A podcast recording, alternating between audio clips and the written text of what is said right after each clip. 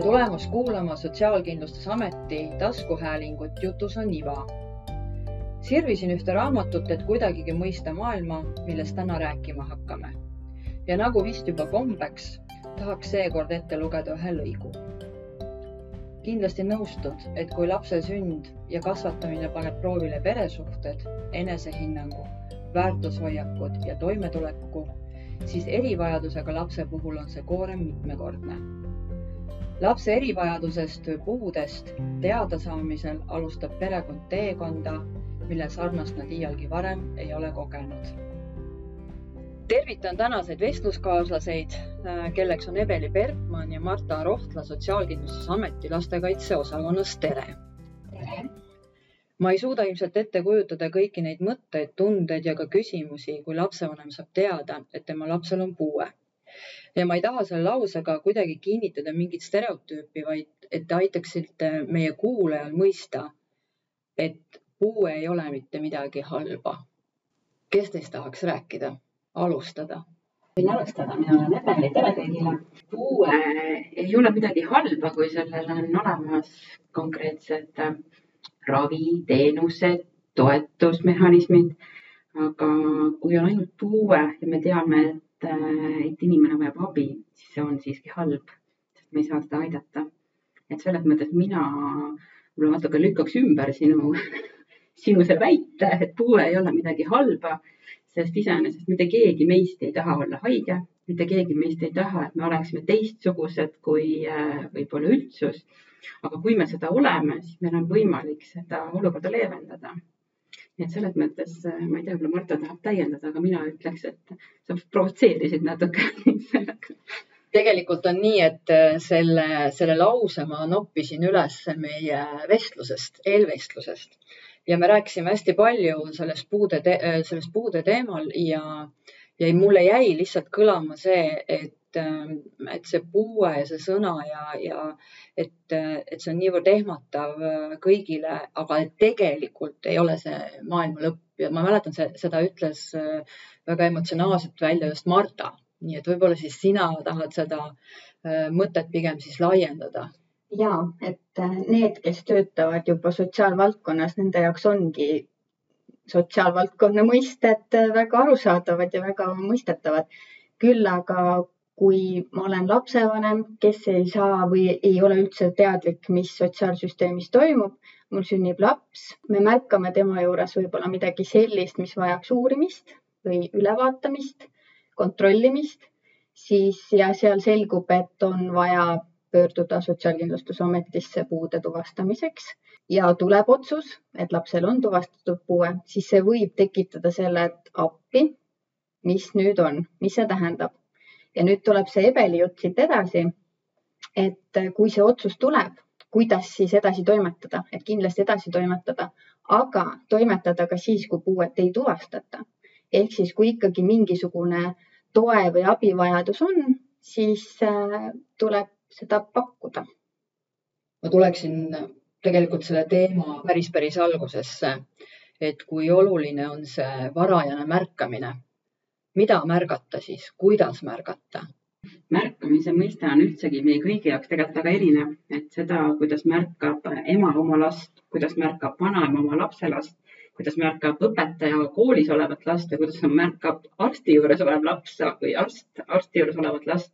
tegelikult me märkame kõik erinevaid, märkame erinevaid asju ja et saada aru, et mis tegelikult on, selleks on oluline, et kõik, kõik märkamised on ka nii-öelda esile toodud, neid on fikseeritud, teada antud, et kui ema näeb, et ta laps ei arene sama kiiresti võib-olla kui tema nii tuttav laps, kui äh, õpetaja näeb, et koolis ei lähe lapsel nii hästi kui teistel, siis sellega tuleb kohe tegelema hakata, mitte oodata, et äh, äkki läheb üle või, või kasvab välja või mis meil on, et kõik sellised väärarusaamised, et, et tegelikult, kui me kõik näeme, et meil, meie lapsel on midagi teistmoodi siis ja kui me ei ole saanud arsti käest eelnevat kinnitust, et jah, tal ongi mingi haigus või tal on mingi sündroom või kaasasündinud geenirike või mis iganes, et siis sellega tuleb tegelema hakata kohe, mitte oodata ülehomset päeva. Et selles mõttes, et aga nüüd on seesama küsimus, mis paljudel vanematel tegelikult jääb, et mis ma siis teen, ma näen küll, et mu laps on äh, teistmoodi, ma näen küll, et ta võib-olla ei käitu nii, nagu ma tahaksin, et kuhu ma peaksin minema. ja see on tegelikult see esimene küsimus, mis kõikidel vanematel kohe nagu pähe turgatab, et kuhu ma lähen. Ja selleks ei olegi vaja tegelikult äh, väga kaugele minna tegelikult kõige esimene koht, kuhu ma läheks, oleks arsti juurde. tegelikult perearst on see, kes vaatab üle kõik tervisest tulenevad asjaolud, et kas ta kas ta on sündinud õigeaegselt, kas tal on mingisuguseid äh, pärilikke eelsoodumisi millekski. tegelikult arst on see, kes saab anda esimese hinnangu ja arst saab samamoodi soovitada edasi minna kasvõi teenuseosutajate juurde, kes aitavad füsioteraapiat teha, aitavad kas siis logopeedi teenust, mida iganes. et tegelikult on, kohe hakkaks see otse öeldes masinavärk tööle, aga see esimene samm tuleb siiski teha enamus juhtudel lapsevanemal. Sa, ütlesid hästi, hästi ilusasti, et tegelikult kohe tuleks hakata tegutsema, aga kas vanematel on üldse ka julgust märgata noh, et kui sa endale pead tunnistama, et midagi ongi teistmoodi, et äkki on midagi teistmoodi. Ja ma kujutan ette, et ka äh, lapsevanemad nii või naa võrdlevad oma lapsi äh, teiste samaealiste lastega äh, ja et kas see nagu ei tekita ka sellist võib-olla ülemärkamist no üle ei saa kunagi lapse puhul midagi märgata, et selles mõttes, et kui, kui midagi on, mis on teistmoodi, isegi kui ta on nagu võib-olla parem kui teistel lastel, siis igal juhul tuleb seda, tuleb sellest teada anda, et, et selle koha pealt, kui, kui emal on mure, isal on mure, eelkõige on see pereringist tulenev mure, et siis äh, ei saa oodata, et tõesti, et läheb üle, et me peame hakkama sellega kohe tegelema. Ja kui ei tea, kuhu tegelema või kuhu minna või mida joosta või, või mida teha kuskile, siis hakkabki perearsti juures, kes tegelikult teab terviseandmeid. et selles mõttes, et jah, üle märgata ja et ei ole sellist asja, et äkki ma reageerin üle. Ja kui keegi reageerib üle, siis on see, et siis rahustatakse maha, et see ongi, et ära muretse, et tegelikult see on, see on normaalne või see käibki vanusega või on see selline iseärasus, mis kasvabki välja, aga selleks on vaja ikkagi kõrvalist inimest, kes ütleb seda, seda ei pea lapsevanem ise absoluutselt äh, välja mõtlema. ja seda kõrvalist inimest, kes on siis ütleme oma ala spetsialist, tuleb lapsevanemal äh, nii-öelda usaldada. absoluutselt tuleb usaldada, jah enne kui räägime erinevatest abimeetmetest, mida te juba põgusalt alguses hakkasite siin nimetama, siis ähm, kui Ebeli, sina ütled, et see esimene mm, küsimus lapsevanemal äh, on pigem see, et kuhu pöörduda, kust küsi-, kust küsida, siis äh, ma tahaksin teiega rääkida nendest äh, tunnetest ja ilmselt on nad erinevatel vanematel ka väga erinevad. kellel on kurbus, kellel on häbi, kellel haletsus, kellel süüdistamine või süütunne, kui peres kasvab puudega laps. Marta, kuidas sa ja oma töös ilmselt kokku puutunud ju palju. just, et äh, kogemused siis minule on näidanud äh, erinevaid reaktsioone, täiesti emotsioone.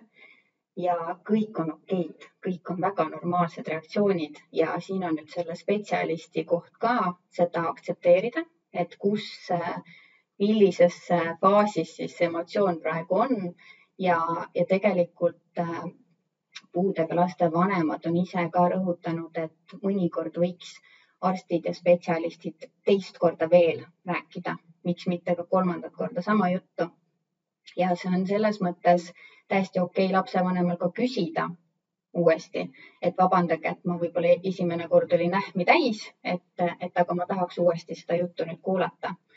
ja, ja hästi oluline on selgeks endale teha, mis toimub, mida see tähendab igasugused foorumid ja guugeldamised tasuks esialgu ära jätta, kuniks õige info õigete spetsialistide käest on olemas. ja siis juba võib hakata otsima äh, neti teel siis teisi sarnase kogemusega inimesi, seda kogemusnõustamist, miks mitte. ja, ja erinevad reaktsioonid selles mõttes ongi, et võib-olla see tunne, et appikene, et miks see minuga juhtus või miks see minu lapsega juhtus siis võib olla see, et äh, kas ma peaksin häbenema, et ta on teistmoodi. siis võib olla see, et, äh, et jah, mu lapsel on võib-olla midagi teistmoodi, aga mul ei ole abi vaja, ma saan ise hakkama. siinkohal äh, ongi jälle see spetsialisti koht, et hoida pilku selle pere ja lapse peal ja märgata, et äh, kui on vaja, pakud kohe abi ja tuge. ja täpselt sama koht on lapsevanemal, et kui sa ikkagi tunned, et noh, nüüd natukene võiks äh, lisaabi saada, siis julgelt kindlasti pöörduda et eesmärk on saada võimalikult äh, varakult laps võimalikult hästi toimetama, võimalikult palju areneda ja mida varem me saame toetada, seda paremini ju kõik läheb.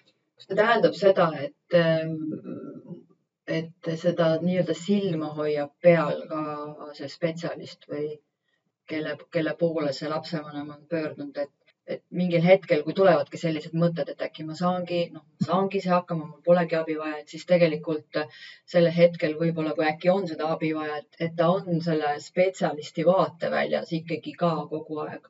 kuidas, kas, kas see oli see mõte? ja, et mina üldiselt äh, oma töös äh, kohalikus omavalitsuses siis äh, sain, saingi sellised kokkulepped, et hästi, et praegu ei ole vaja tuge perearust, aga et hoiame kõik silma peal et kui tundub, et siin midagi võiks olla, et siis ma võtan ühendust ja ikkagi räägime uuesti.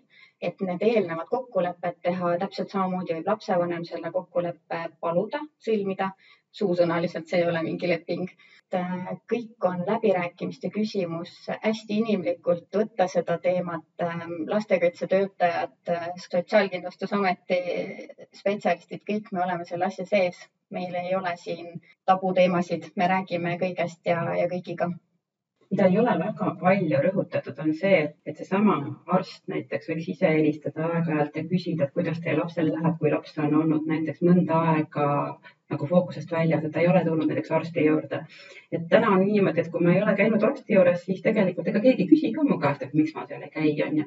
et eriti, kui on teada, et seal võib olla mingisuguseid küsimusi, et, et võib-olla ikkagi ka, ka need, kes abistavad peaksid rohkem äh, pakkuma oma abi, sest ega noh, nii kui siin ennem on ka välja tulnud, et ega see puudega lapse vanem on oma muredega tegelikult päris, tal on päris palju asju, mille peale kogu aeg mõelda ja tal ei ole alati meeles, et nii, et kas ma olen nüüd selle teinud ja selle teinud, siis on hea, kui keegi ka kõrvalt aeg-ajalt tunneb nagu huvi, kuidas mul nagu läheb ja pakub oma abi, sest, äh, sest ega sellist abi küsimist on noh, me oleme ka kõige lisaks eestlased, me ei ole väga abiküsijad, me saamegi ise hakkama, nagu Marta ütles ka ennem, et me ei taha abi küsida, et siis tuleb abi pakkuda.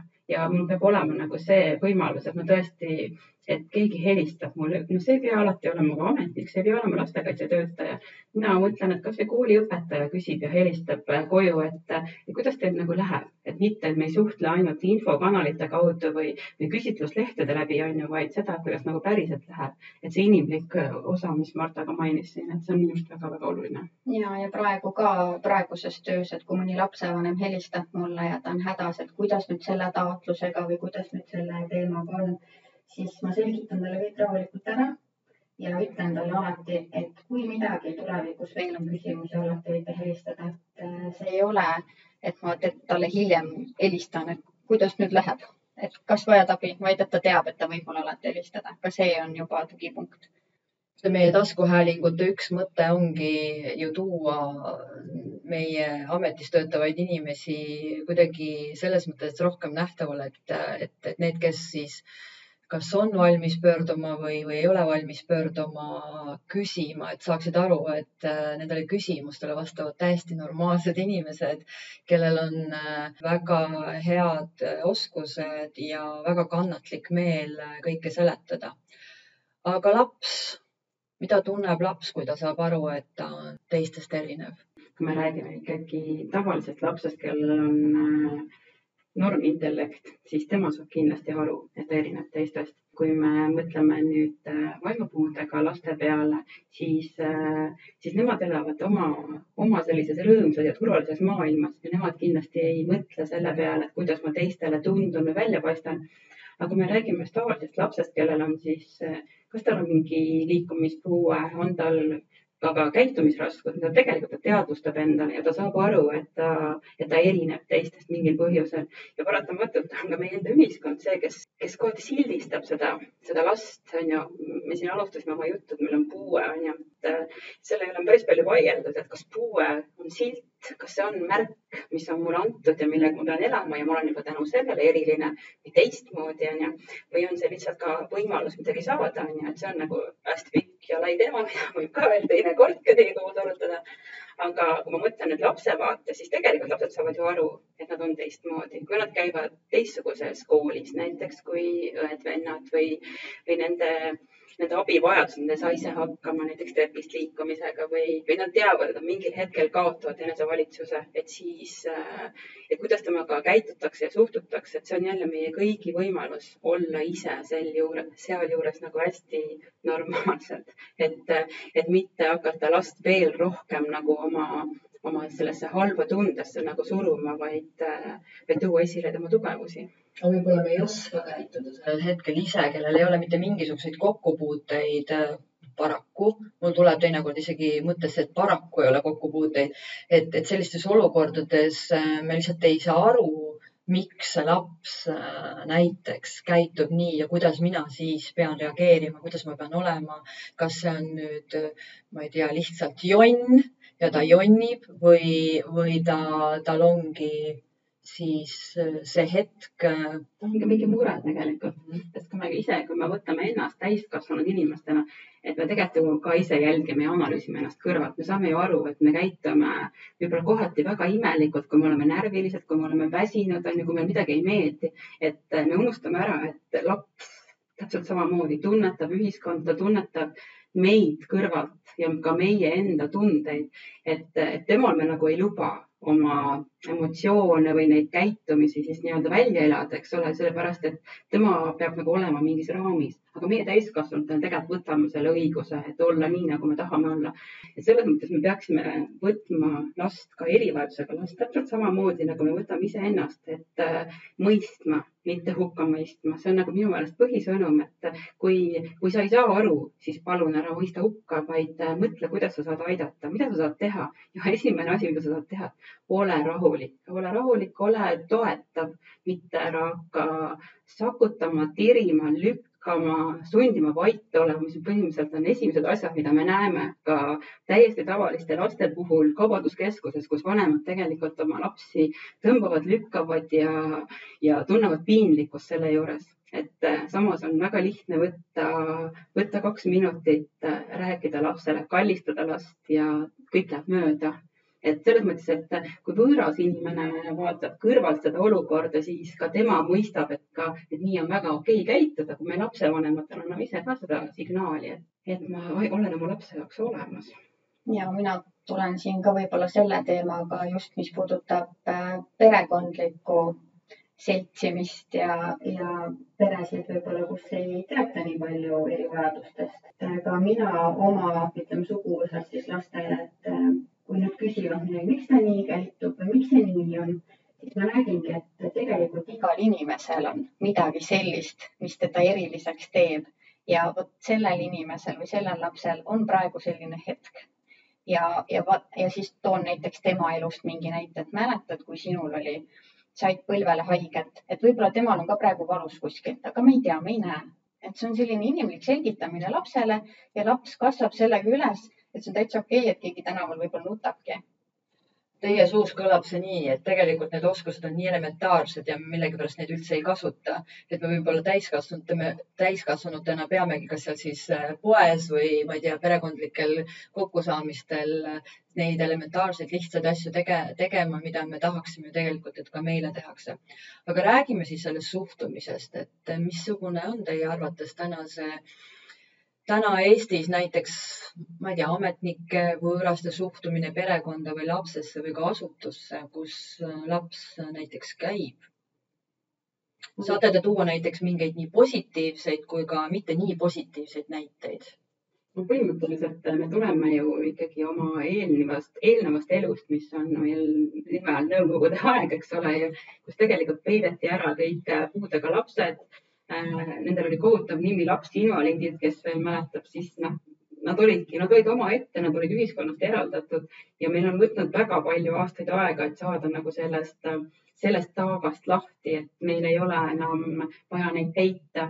et selles mõttes, kui vanasti oli lugu selline, et kui on eriline inimene, eriline laps, me paneme ta ära ja siis ta käib kuskil ja see koht on kindlasti väga-väga halb. et oli väga lihtne silt oli küljes, et äh, nüüd meil on tegelikult toetavad mehhanismid, tegelikult on need erivajadustega laste lasteaiad, koolid, hoiukodud, nad on väga helged, nad on väga toredad. Ja seal töötavad inimesed, kes on väga pühendunud. et me tegelikult peaksime seda palju rohkem tunnustama, märkama ja olema isegi uhked selle üle, et kui, kui me saame võimaldada oma erilistele lastele käia koolis või asutuses, kus nende eest tõeliselt hoolitsetakse, et ühiskondlik suhtumine on muutunud ma tahan öelda, aga, aga see on ikkagi mingites hetkedes me siiski sildistame, me siiski nagu tõrjume erilisi inimesi. et ka tööturul, eks ole, kui, kui me jälgime, siis kõige lihtsam on tööd leida, kui sa oled nagu ilus, ilus ja tark, eks ole, aga kui sa ei ole nii ilus, aga sa oled sama tark, eks ole, siis, siis juba tegelikult me arvestame või suhtume sinusse teistmoodi. et sama asi on ka tegelikult erivajadustega laste puhul, mida me noh, mida me jälle, ma kogu aeg toon nagu kõrvutan täiskasvanutega, et, et kuidas me suhtume oma kolleegi või kuidas me suhtume lapsesse, kes on teistmoodi. Ja millegipärast me suhtume erinevalt. lapsed on kuidagi nagu vanemate süü on, kui nad on kasvatamatud, et ilmselt on nad õpetamatud, kindlasti on äh, mingisugused vanavanemad olnud, me paneme väga kergesti mingeid silte, et noh, ta, ta ongi sellest perest ja nii, nii ongi, onju ja me tegelikult ei süvene ja me ei, võib-olla ei paku selle koha pealt piisavalt seda tuge, et see müüt nagu murda, onju. et neid ühiskondlikke suhtumisi, ma arvan, et Martal on ka päris palju näiteid selle kohta, kuidas me nagu oleme seda ka võib-olla ise märkamatult teinud, onju. ja no jõuame selleni, miks mina seda tööd teen. no miks sa teed seda tööd? mina teengi seda tööd sellepärast, et mul on isiklik kogemus, kuidas no ütleme siis umbkaudu kakskümmend aastat tagasi asjad toimusid lastega ja kuidas on praegu. mina nägin päris suurt ülekohut ja, ja sellest tulenevalt ma hakkasin kogu aeg mõtlema, et kuidas mina saaksin seda inimest aidata. kes oli mulle, kes on mulle väga lähedane, et tänaseks on ta muidugi täisealine. aga, aga seal oligi põhiline siis seisukoht oli see, et ta on pätipoiss. selliselt tuleb saata erikooli mingit toe, mingist toest me ei rääkinud, mingisugusest sellest, et kas pere vajab äkki tuge või mis, mis kodus toimub, mis koolis toimub.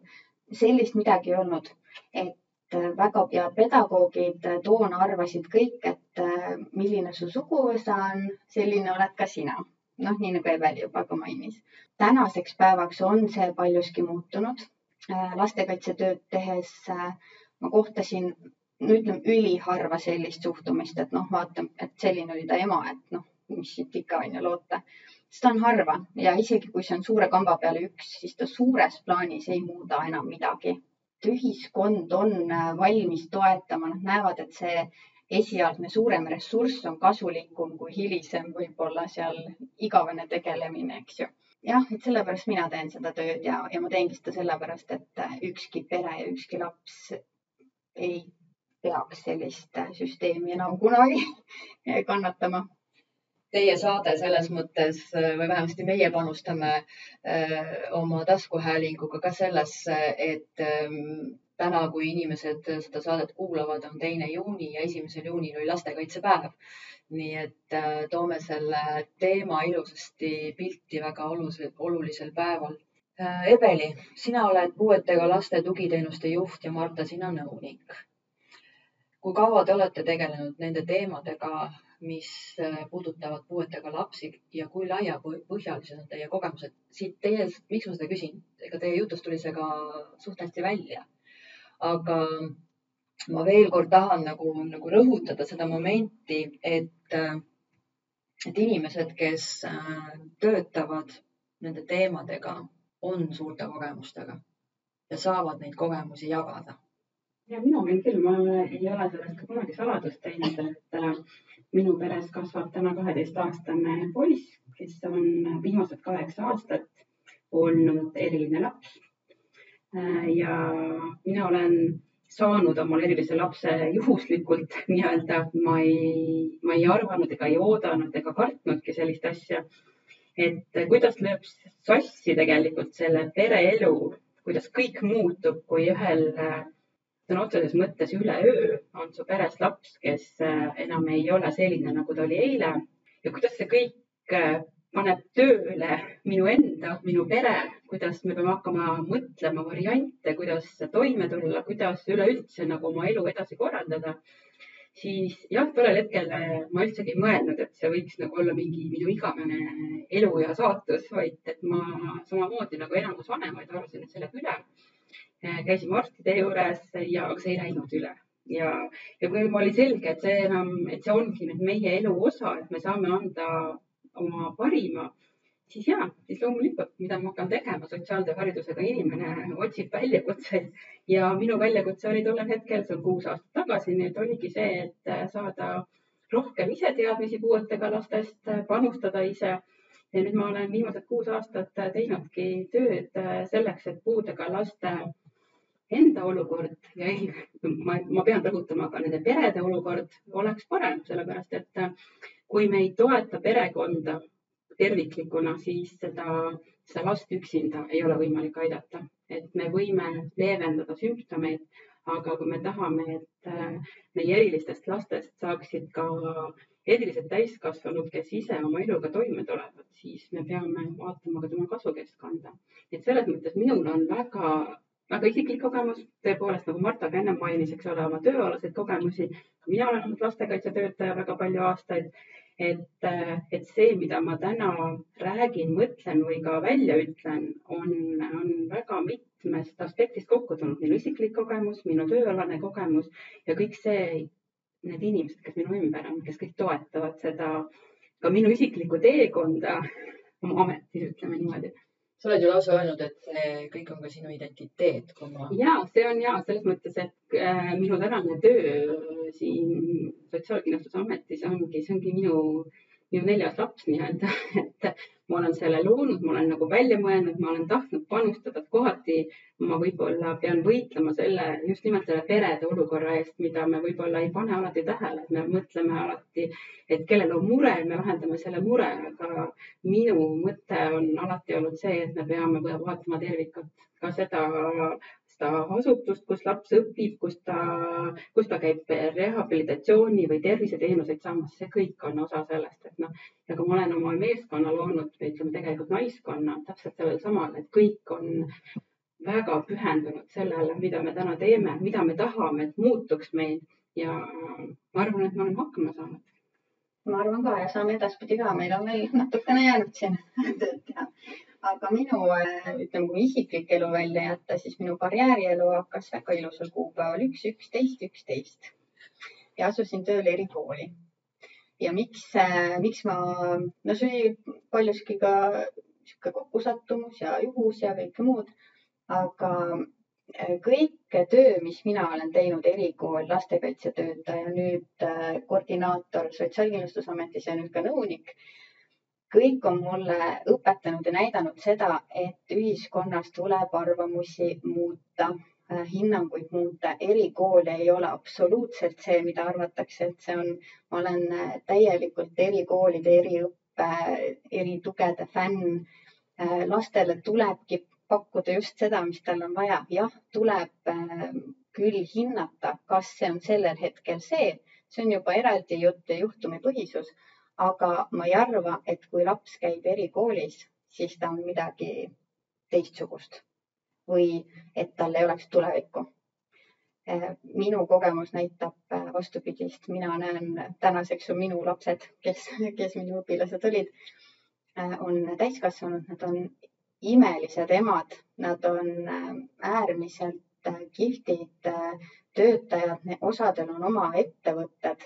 ma tõesti ei arva seda, et, et erikool nüüd midagi muudab või piirab. küll aga on siin see spetsialistide roll jällegi, et näha, mis on temas see, mida annab äh, panustada. et ma sulle, Sirle, tõin kunagi selle näite ka, et aktiivsustähelepanu häirega laps võib-olla tõesti ei püsi seal ajalooõpiku taga, et lugeda see peatükk läbi ja ise kokkuvõtte kirjutada küll aga temast võib tulla suurepärane oskustööline, kes rabab mitmel rindel ja on meist palju kiirem, palju rohkem jõuab tööd ära teha. ma tean suurepärast, suurepäraseid ehitajaid, kes on just sellise noh, mitte just aktiivsustähelepanu häirega, aga võib-olla siis aktiivsemad kui tavapärased inimesed. et jah, see ongi see, et mõni jällegi tahab nokitseda natukene rohkem omaette iluvaldkonnad, erinevad äh, kutsed, mida saab omandada, kõik see tulebki lapsest lähtuvalt vaadata. ühe piirang võib olla teise ressurss ja vastupidi. Sa tegelikult hästi kenasti juba läksid sellesse teemasse sisse, mis on hästi suur ja hästi lai. Ja me äh, olemegi kokku leppinud, et neid saateid tuleb rohkem, sest äh, ka meie oleme teie teema fännid ja tahame, et nad, et oleks rohkem nähtaval, aga need äh, nii-öelda abimeetmed, äh, ma saan aru, mis võimaldavadki äh, jõuda ühel inimesel mingil ajahetkel oma elus täiskasvanu näiteks tegema midagi sellist, mis talle näiteks sobib ja kus ta on nagu äh, hea. ja see teema ilmselt ka väga paljusid äh, huvitab missugused äh, need abimeetmed äh, on, näiteks kuidas toimub näiteks abivajaduse hindamine? me saaksime teha hästi lihtsalt nagu, hästi lihtsalt. et siis tegelikult tuleb aru saada, et millistes valdkondades või kus ei saa laps hakkama, see ongi tegelikult see tema abivajaduse hindamine, et me võime rääkida pikalt ja peenelt ja väga nii-öelda ametniku keskse keelega, aga tegelikult on see, et kui, kui me vaatame last ja me vaatame üle need kohad, kus ta jääb hätta, siis me olemegi ära hinnanud tema abivajaduse. Ja kui me oleme selle ära hinnanud, siis sellest ainult ei piisa, meil on vaja ka pakkuda siis selleks teenuseid, selleks erinevaid meetmeid, et see abivajadus, mis lapsel on märgatud, saaks ka nii-öelda tasakaalustatud või saaks nagu seda klaas saaks täidetud, et kus on puudujääk ja sinna tuleb anda nagu juurde. et selles mõttes abivajaduse hindamine on väga otseselt seotud kõikide meie teenustega, meie toetustega, mida, mida meie enda asutuses pakume, mida pakuvad ka kõik teised. et, et see on nagu esimene samm, et ennem ei saa midagi pakkuda, kui me ei tea, kus sa abi vajad ja, ja kindlasti ressursid on ka väga oluline, et äh, nii peres kui lapse lastes leida need ressursid, mis, mis annavad selle toe, et kuidas ja kust me edasi lähme, mis toetab, mis aitab sellele arengule kaasa no teie jutust tuleb igal juhul äh, kogu aeg minu arust välja see, et see pere nagu ei ole üldse üksi. kas siin oleks paslik küsida, kas esineb mingeid erinevusi ka näiteks teisest kultuuriruumist tulnud inimestega? meie enda tegelikult töös on väga, väga paljud olnud, et kuidas äh, slaavi verd või ütleme siis nagu vene rahvusest inimesed, ukrainlased tegelikult äh, äh näevad äh, erilist last nagu tõepoolest sellise häbina või, äh, või nagu murena, mis on pere enda asi. et meil on alles hiljuti oli üks väga nagu selles nagu kurb näide sellest, kus üks neljateistaastane äh, laps on olnud kogu oma elu koduseinte vahel sellepärast et tal on äh, väga palju probleeme kuulmise, nägemise, liikumise, kõigega ja, ja see ema on pühendanud oma elu ainult selle lapse eest hoolitsemiseks. ta on unustanud ära või teadlikult jätnud kõrvale oma isiklikku elu, oma võib-olla ka peresuhted ja olnud selle lapse jaoks olemas. aga ühel hetkel enam äh, ka kõige tugevam äh, naine ei saa hakkama või mees ei saa hakkama sellega, et, et see laps on võtnud ära tema enda eluenergia ja ta ei suuda enam sellest nagu välja tulla ja ta, ta ei mõtlegi enam, kuidas ise olla nagu parem, toredam, käia väljas. et selles mõttes neid, neid kurbi näiteid on palju ja paratamatult need tulevad just nimelt nagu jah, võib-olla eestlane eh, rohkem küsib ja võib-olla ka julgeb rohkem öelda, et mul on mure, siis noh, meie tööst on küll päris mitmel korral tulnud see, kus, kus tõepoolest kultuuriline erinevus on olnud nagu tunda, et me isegi ei saa aidata seda perekonda, see perekond ei lase ennast aidata. et see on nagu kurb tegelikult, aga samas, mida me saame teha, me saame tegelikult kogu aeg meelde tuletada, et me oleme olemas, et seda me tegelikult kõik koos teeme. no sa võtsidki tegelikult mult ära selle küsimuse, aga ma ikkagi küsin selle, et äh, kuivõrd inimesed lasevad ennast aidata, et põrkate te kokku selliste kogemustega, kus te väga tahate aidata. et vastupidi ju inimesed ütlevad, et no ei aidata, onju, aga te tahate väga aidata, aga ei saa aidata. et kui palju seda võib olla, ma ei tea, nendes juhtumites, mis, mis teil läbi käivad, et te, et te tunnete, et ma tahaks, tahaks, aga ei saa. see lugu ka, et, et me näeme erinevalt seda, mis abi on vaja kellelegi. Kui mina näiteks arvan, et, et sellele perele on vaja oletamatut lapsehoiuteenust, ma näen, et sellega on kõik pere mured lahendatud, et ema saaks käia väljas, on ju, laps on hoitud, on ju, aga see pere ise ei näe üldse seda teenuse vajadust. et tema arvab, et ei ole, et andke mulle näiteks rohkem raha, et ma saaksin käia ja tunda ennast nagu inimväärsena, et ma saaksin väljas käia küll, aga ma tahan käia sellistes kohtades, mis nõuavad raha. et selles mõttes see, et aru saada, mis on nagu päriselt perekonnale vaja, on ka väga keeruline. Et, et kui me nüüd mõtleme sinu küsimuse peale, et on perekondi, kes ei luba ennast aidata, siis jah, me tahame nendest aidata, aga nemad ei näe selle abi vajadust, mida võib-olla meie näeme, siis me tegelikult põrkume kohati nendega, nende abivajaduse ja abi pakkumise vahepeal, et siis leida nagu see konkreetne kesktee, mis on see nüüd see kõige õigem ja mis on kõige vajalikum. ja siis võib tekkida tõepoolest neid konfliktiolukordi, et, et ei ole vanemad, ei ole rahul sellega, mida neile pakutakse. võib-olla ka abipakkujad ei saa aru, et miks nad abi vastu ei võta, on ju, siis me näeme lihtsalt abivajadust erinevat. no mina toon siin lihtsalt sellise lihtsa asja nagu kommunikatsioon, omavaheline suhtlus, rääkimine Äh, rohkem on seda tegelikult kohalikus omavalitsuses. lastekaitsetöötajana mul oli see suurem roll, et selgitada lapsevanemale erinevaid sotsiaaltööga seotud äh, teenuseid, aspekte, mõisteid, äh, kasvõi Sotsiaalkindlustusameti teenused sinna hulka. ja, ja seda infot ongi esialgu palju, siis räägid uuesti ja siin ma tulen tagasi sellele, mis ma enne rääkisin, ehk siis spetsialist peab ka tunnetama seda olukorda, kus nüüd lapsevanem ja laps on valmis edasi minema, mitte oma tempot sinna äh, panema. et tempo on vajalik ainult siis, kui see läheb edasi. kui see pidurdab tegevust, siis ei ole sellest kasu. ma loeksin siin veel ühe mõtte. Äh, me õpime kogemustest. üheks selliseks kogemuseks võib täiskasvanud inimesele olla pöördeline elusündmus, mis saabub ootamatult ajal või moel. kui pöördeline elusündmus on negatiivne, põhjustab see kriisi. kui kriisiga õnnestub toime tulla, see tähendab ootamatu pöördega kohanda, siis toimubki kogemusest õppimine. siit ka minu küsimus.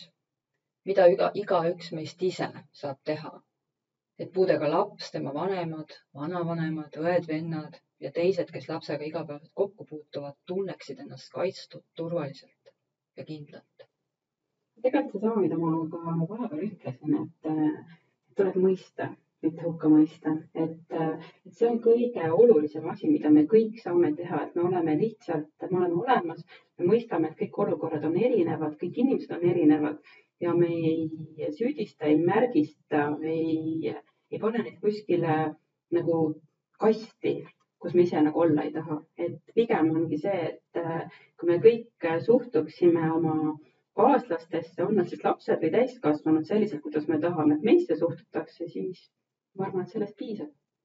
jah, ega mul ei ole siin midagi täiendada, et ma ütleks nii palju, et jää rahulikuks, hinga sisse-välja, vahet ei ole, oled sa lapsevanem või kõrvaltvaataja. kindlasti ära mine, kui sa ei tunne last või ütleme ka täiskasvanud, ära mine füüsiliselt lähedale, jälgi, kui ta ei ole sulle ega teistele ega endale ohtlik las ta siis nutab seal või las ta siis korra olla seal pikali maas. ja, ja kui sa näed, et asi muutub juba ohtlikuks, siis on edasi, eks ju, kas helistad kuhugi või palud kõrvaliselt inimeselt abi.